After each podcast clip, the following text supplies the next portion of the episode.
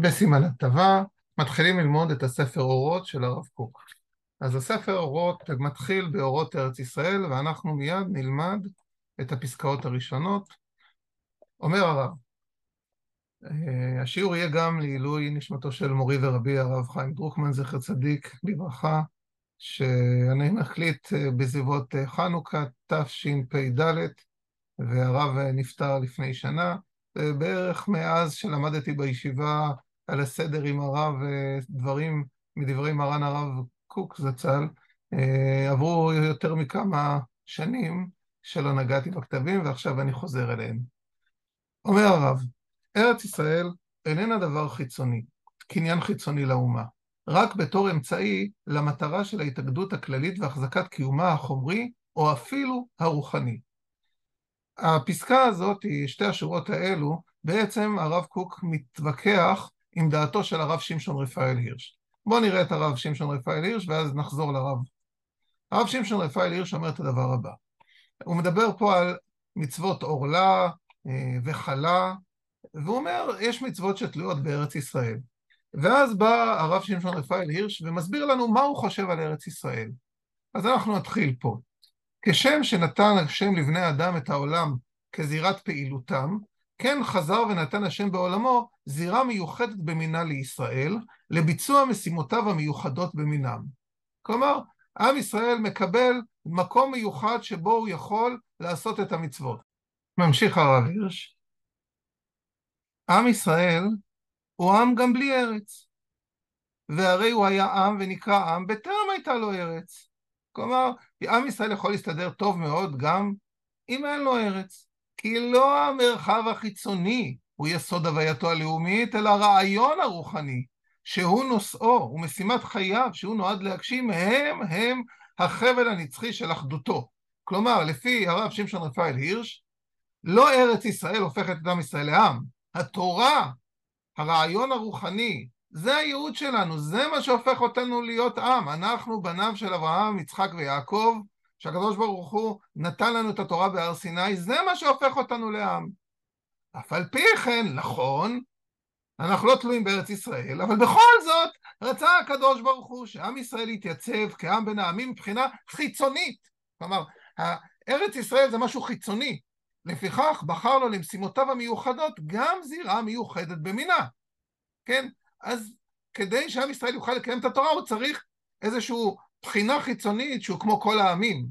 אולם כדי שהארץ שהייתה אמורה להיות לו לאמצעי, אמצעי להגשמת יהודו כישראל, לא תהיה דווקא גורם הפלתו מחמת עוון אדנות בעלות עליה, בעלותו עליה, כן?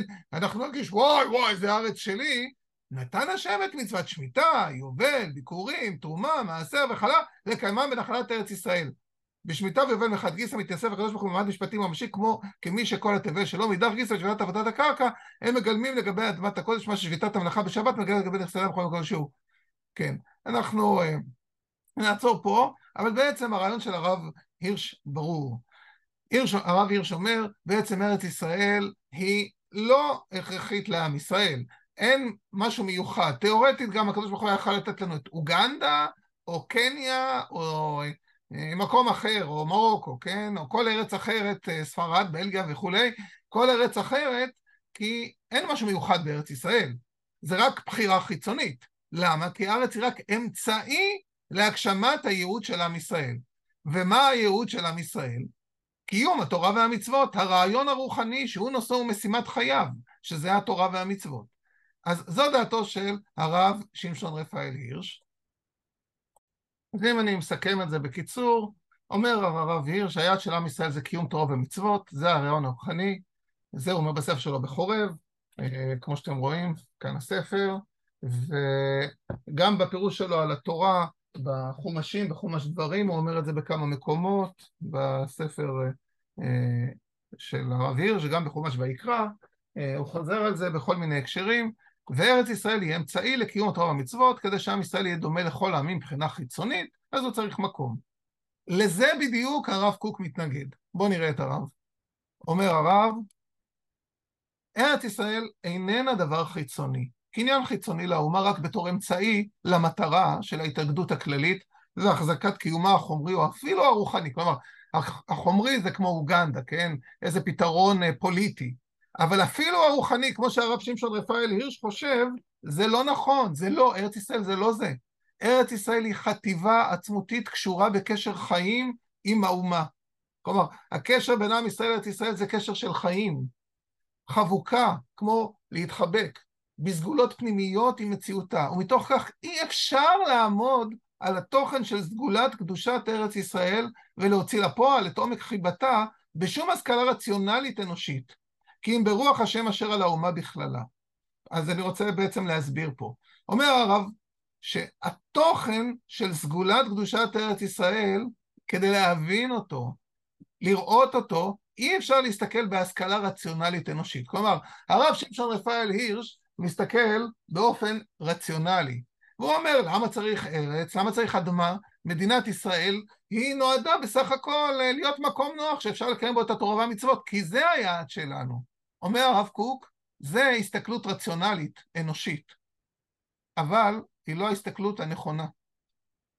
כי אם ברוח השם על האומה, בהטבעה הטבעית, כלומר, הרוחנית אשר בנשמת ישראל, שהיא ששולחת את קוויה בצבעים טבעיים בכל האורחות של ההרגשה הבריאה, ומזרחת היא את זריחתה העליונה על פי אותה המידה של רוח הקדושה העליונה, הממלאת חיים ונועם עליון את לבב קדושי הרעיון ועמוקי המחשבה הישראלית.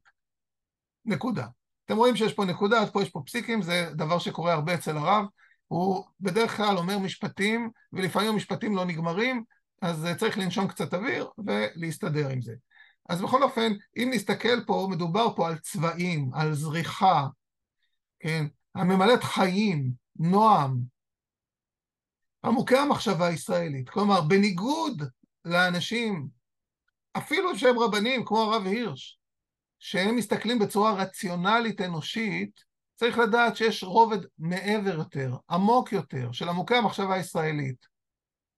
והם מבינים שיש פה משהו הרבה יותר גבוה, הרבה יותר משמעותי, שקשור לקדושת ארץ ישראל. מה זה בדיוק? עוד הרב יסביר. נמשיך.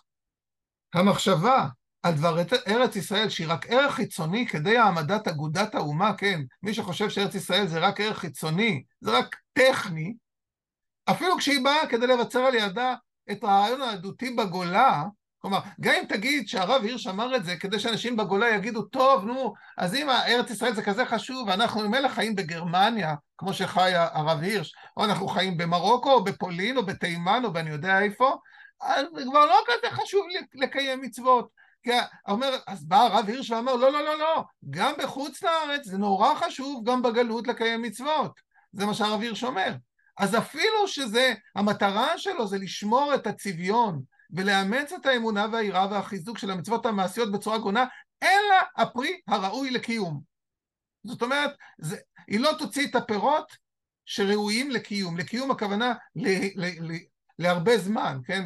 פרי שראוי לקיום, הכוונה פרי, פרי שאפשר לקיים אותו לאורך שנים. זאת אומרת, התפיסה הזאת היא תפיסה קצרת מועד שלא תחזיק מעמד לאורך השנים, כי היא גם לא האמת.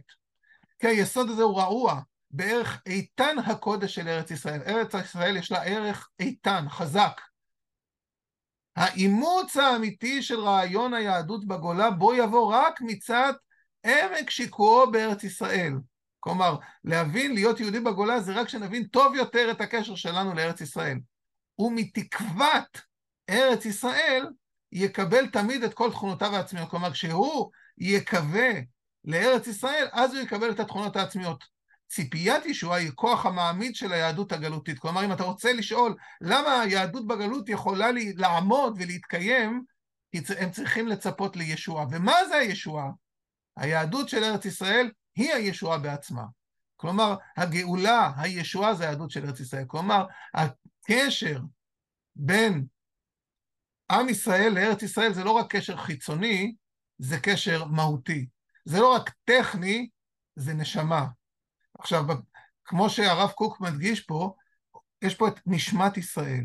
כלומר, זה משהו שהוא מעבר לרציונליות, מעבר לשכל, זה משהו שהוא עמוק עמוק עמוק יותר בנשמה.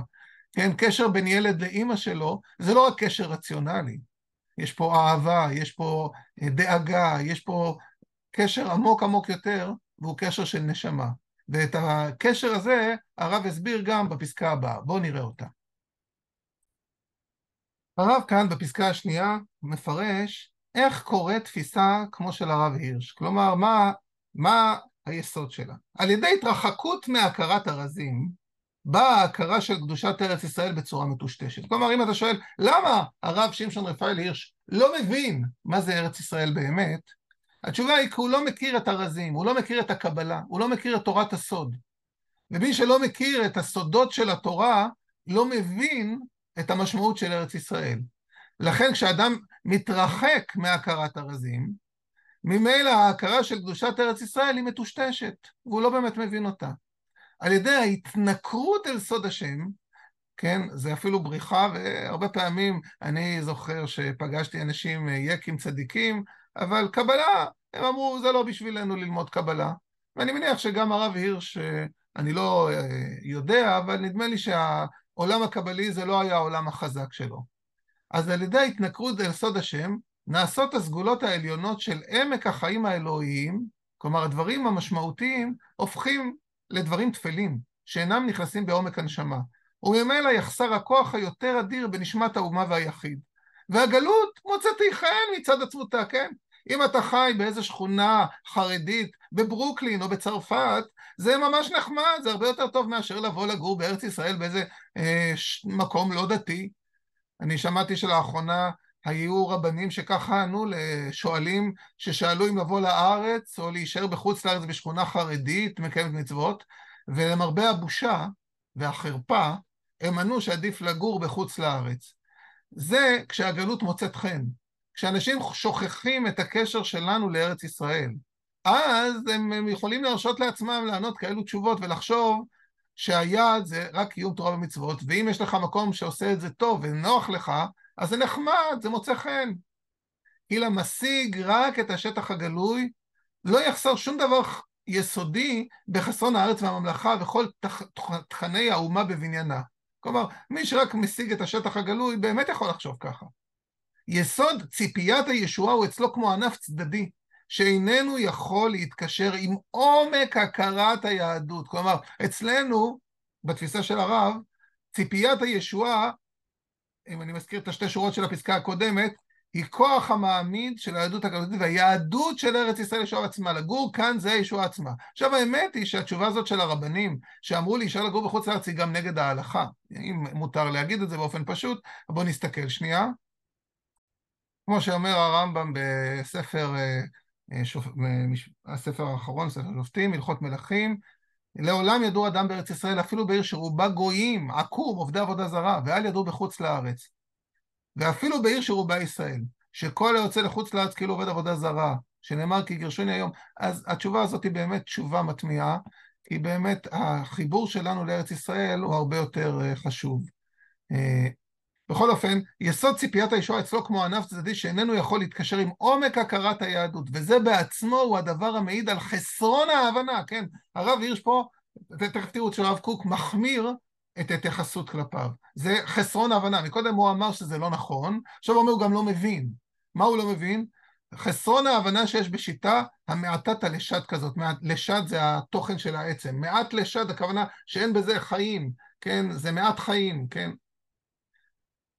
אומר הרב, לא שוללים אנחנו כל מין ציור והבנה המיוסד על ישות ורגשי דעה ויראת שמיים באיזו צורה שהיא. כלומר, אל תחשוב שאנחנו שוללים מי שיש לו דעה אחרת בתורה. רק את אותו הצד ששיטה כזאת תחפוץ לשלול את הרזים ואת השפעתם הגדולה על רוח האומה, כלומר השיטה הזאת אומרת, לא מעניין אותי מה שהקבלה אומרת, לא מעניין אותי מה זה ארץ ישראל בקבלה, את הקטע הזה בשיטה, זהו אסון, אסון, אסון שאנו חייבים ללחום איתו, בעצה ובתבונה, בקדושה ובגבורה. כלומר, התפיסה שארץ ישראל היא משהו טכני, והיעד שלנו בתור יהודים, מה היעד שלך בתור יהודי? לקיים מצוות, לקיים את התורה. לא נכון. זה לא היעד המלא. זה לא היעד הנכון. כי אם אתה אומר לקיים מצוות, אז אתה יכול לגור בברוקלין, בשכונה יהודית חרדית, ואחלה, זה סבבה. והרב קוק אומר שזה אסון. התפיסה הזאת, כי לא מכירים בארץ ישראל. אז מה כן? נגיע לפסקה הבאה. אומר הרב, כדי להבין מה זה ארץ ישראל, הרב פה מתחיל את המיוחד. יצירה עצמית ישראלית, במחשבה ובתוקף, ובתוקף החיים והמפעל, אי אפשר לישראל אלא בארץ ישראל. אני רוצה רגע להסביר מה הכוונה. במחשבה, זה כלומר בעולם המחשבתי, בתורה, בפילוסופיה, בתוקף החיים והמפעל, כן? אם זה מעצמת הייטק, ואם זה לייצר טפטפות, או כל מיני דברים אה, דיסק און קי, אי אפשר לישראל אלא בארץ ישראל. כלומר, כשעם ישראל נמצא בארץ ישראל הוא פורח. זה כמו שהילד גר עם אימא שלו בבית ועם אבא שלו. הוא פורח, כי זה המקום שלו, זה הבית שלו, זה החיים שלו. לכן היצירה העצמית הישראלית, כלומר, כשעם ישראל מייצר דברים וממציא דברים, זה יכול להיות כיפת ברזל, זה יכול להיות אה, אה, במחשבה, בתורה, בחידושי תורה, זה יכול להיות בכל התחומים, אי אפשר אלא בארץ ישראל. המקום היחיד שעם ישראל יעשה את זה בצורה הכי נכונה והכי טובה, זה כשעם ישראל פה בארץ. לעומת זה, כל הנעשה מישראל בארץ ישראל, מתבטלת הצורה הכללית שבו לגבי הצורה העצמית המיוחדה של ישראל. כלומר, כשעם ישראל עושה את זה, גם אם זה דברים כלליים, כן, לעשות טפטפות, כיפת ברזל, יש בהם טאץ' יהודי. לא סתם טאץ' יהודי, טאץ' יהודי שהוא בארץ ישראל. כשזה בארץ ישראל, זהו עושר גדול לישראל ולעולם.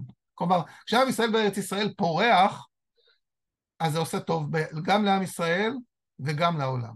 עכשיו הרב יסביר איך הוא רואה את הגלות. אבל לפני שנראה מה שהרב חושב על הגלות, בואו נראה מה הרב שמשון רפאל הירש חושב על הגלות, כדי להבין מה הרב חושב. אומר הרב שמשון רפאל הירש, גם זה נמצא בתוך הספר שלו חורב, בפרק על הצומות. אז הוא מסביר לנו תכלית החורבן והגלות. אז מה המטרה הראשית? למה יצאנו לחורבן? להרחיק מפולחן הרכוש והעלאת האדם את עצמו. ובכך למעט את רדיפת ההנאות והאהבה העצמית המופרזת ולהעלות את ישראל לדרגה של עבודת השם הבלעדית. כלומר, יצאנו לגלות לפי הרב הירש, כי רדפנו אחרי ההנאות ואהבנו את עצמנו יותר מדי, ושכחנו לעבוד את אלוהים. ולכן הקדוש ברוך הוא זרק אותנו. ישראל גלה והחל את נדודיו במדבר העמים והזמנים. נתלה ממנו העצמאות המדינית ואל נדודיו לקח עמו רק עניין אחד, התורה, ורק עוצמה אחת, השם. בני האומה רתוקים זה לזה בשרשרת אחת של ייסורים, ועל פי כן כך ורק כך עמדו בכל סערה ובכל סבל, שהכניעו עמים אדירים ועשירים וגאים מסביב. כל זה לא עלה בגורלו של ישראל, אלא למען חינוך האומה להלך נפש אחד ולתודעה אחת, להכיר בתורה כבקניין חייה היחיד. להכיר בה השם כבצור חיי היחיד, להכיר בשמירת התורה ובעשת רצון השם כדעת חיי היחידה. על בני האומה היה ללמוד לאהוב איש את רעהו באהבת אחים כבני אל אחד, כבני ברית אחת ושותפים לגורל אחד. מטרה נוספת, עם ישראל מפוזר וכולי, זה אותו רעיון. אה, מבחינתנו בואו נרשום את זה. אז אומר פה הרב אה, הירש, אז למה הגלות? היעד של הגלות זה בעצם אה, כי עם ישראל חטא באהבה עצמית, בגאווה וכולי, ושכח לעבוד את השם. הגלות באה להזכיר לו מה המטרה שלו בחיים, שזה לקיים את התורה והמצוות. זה תעודת חייו. כן, מי שלא השתכנע, אני מראה את זה שוב. אה, עוד פעם.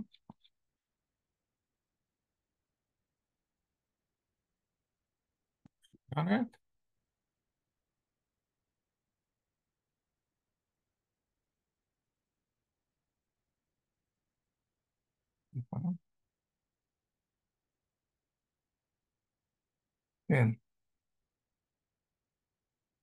להעלות את ישראל לדרגה של עבודת השם הבלעדית. אז זו המטרה של הגלות.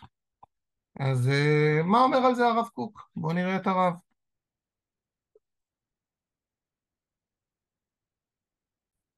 אומר הרב, בהמשך ג' החטאים שגורמים גלות הם הם שמדלחים את המעיין העצמי. אני רוצה להסביר את המילה הזאת. דלוח זה כמו עכור. יש כמו איזשהו מעיין של חיים. תחשבו על איזה הרים שמתוכם פורץ מעיין נקי וצלול, ופתאום המעיין מתחיל להוציא מים עכורים, מים מסריחים, מים לא נקיים וצלולים ושקופים, אלא מים צבועים בכל מיני ריחות, בצבעים וריחות מגעילים. החטאים שגורמים גלות הם הם שמדלחים את המעיין העצמי, והמקור מזיל הזלות טמאות. את משכן השם טימא. כלומר, מה שקורה בעצם, אותו מעיין מתחיל להוציא מים מסריחים. את משכן השם טימא, יש פה טומאה. וכשהמקור העצמי המיוחד נשחט, מתעלה המקוריות היסודית לאותו החלק העליון התמציתי שיש לישראל בסגולת האדם. כלומר, מה שקורה בעצם, המיוחדות של עם ישראל. הילד לא יכול לגור עוד בבית שלו, כי נהיה שם מסריח.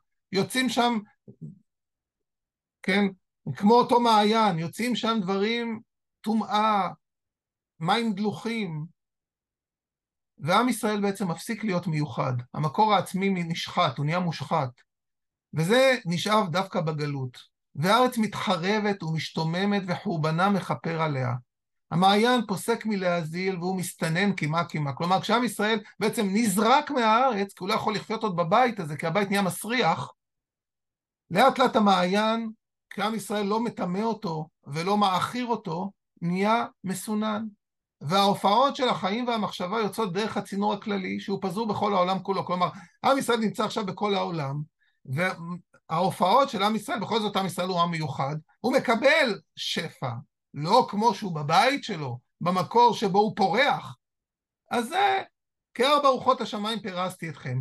עד אשר ההאזלות הטמעות הפרטיות מתפסקות, וחוזר כוח המקור לטהרתו. כלומר, מה שקורה, בעצם המעיין מתנקה, הארץ מתנקה, בגלל שהיא הושחתה על ידי עם ישראל שהוא עשה פה חטאים.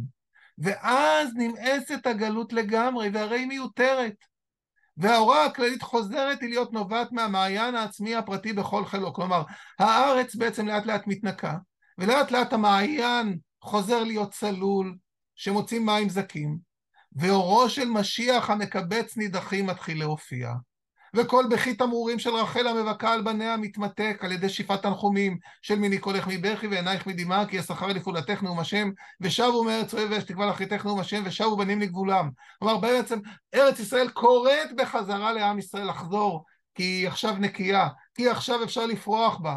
כלומר, זה שהחלוצים שמעו את הקריאה הזאתי זה בגלל שהם הרגישו שהארץ קוראת להם. והארץ קוראת לנו כי היא חיה, יש לה חיות. אם תשאלו את הרב קוק, זה לא סתם משהו טכני. הקשר בין עם ישראל הוא דו-כיווני. מצד אחד החטאים שלנו מטמאים את הארץ, מדליחים, כן, כמו שהוא אמר, מדלחים את המעיין העצמי. מצד שני, הארץ רוצה אותנו. היא רוצה להשפיע את השפע, היא רוצה להוציא את המים הנקיים. ויצירת החיים המיוחדים בכל מאורם וחטיביותם המיוחדה, רבויה בתל העושר הכללי של האדם הגדול בענקים, ברכת אברהם, כן, לאברהם אבינו השם הבטיח את ארץ ישראל, חוזרת היא דווקא על ידי שיבה זו להתגלות. כלומר, כשעם ישראל שב לארץ, מתגלים בחזרה הכוחות והמעיין יוצא החוצה. יהיה בריכה, בכך חותמים. וזה בעצם, יש פה גם, מי שמקשיב טוב, דימוי לאישה, כן? המקור, אה, יש פה את המילים האלו, המעיין העצמי, המקור מזיל הזלות טמאות. מי, מי שבהלכות נידה שומע פה כל מיני ביטויים שגם מזכירים את התחום הזה, שזה איזשהו סוג של בין אימא לבן שלה. יש פה איזשהו חיבור בין עם ישראל לארץ ישראל. ולכן המקום שבו עם ישראל הכי פורח זה ארץ ישראל, והמקום שבו עם ישראל הכי הורס זה גם ארץ ישראל. כלומר, הגלות היא לא בגלל, בוא נדייק את זה, היא כן בגלל שעשינו חטאים. אבל המטרה של הגלות שעם ישראל התפזר לכל העולם, זה לא הייתה כדי להזכיר לנו שהתורה זה התכלית שלנו, כמו שהרב שמשון רפאל הירש אומר, אלא הגלות הייתה כי עם ארץ ישראל לא יכלה לסבול את ההזלות הטמאות, את משכן השם טימא. כלומר, מה שקורה, עם ישראל בעצם כאילו גירשה את הילדים, ואמרה, אי אפשר לחיות פה בבית, מסריח פה. וכשהבית לאט לאט התנקה, ולקח אלפיים שנה, ארץ ישראל קוראת בחזרה לילדים שלה, בואו בואו, תחזרו לכאן, כי כבר אתם יכולים לגור בחזרה בבית. איזשהו תהליך ממש בין ארץ לבין עם. והקשר הוא קשר עמוק מאוד, ונוסיף את הפסקה האחרונה והיא קטנה. אי אפשר לאדם מישראל שיהיה מסור ונאמן למחשבותיו, והגיונותיו, רעיונותיו ודמיונותיו בחוץ לארץ, כי תכונת הנאמנות הזאת בארץ ישראל. כלומר, בארץ ישראל הבן אדם פורח. המחשבות שלו, ההגיונות שלו, הרעיונות שלו, הדמיונות שלו, הם בפאזה אחרת, כן? אה, הפס הרבה יותר רחב, הוא פורח, כי זה הבית, זה הבית של עם ישראל. הופעות הקודש באיזו מדרגה שהן נקיות הן בארץ ישראל לפי הערך. ובחוץ לארץ מעורבות הן בשיגים וקליפות מרובים. אמנם, לפי גודל התשוקה והקישור של האדם לארץ ישראל, הרי רעיונותיו מזדככים מיסוד אווירא דארץ ישראל. כלומר, אם אתה חי בחוץ לארץ ואתה חולם על ארץ ישראל, זה גם מזכך את הרעיון שלך. כלומר, ארץ ישראל כאילו שולחת את הזרועות שלה לכל העולם, למי שרוצה לבוא אליה. החופף על כל מי שמצפה לראותה. שמחו את ירושלים וגילו בה כל אוהביה, ובזה אנחנו מסיימים.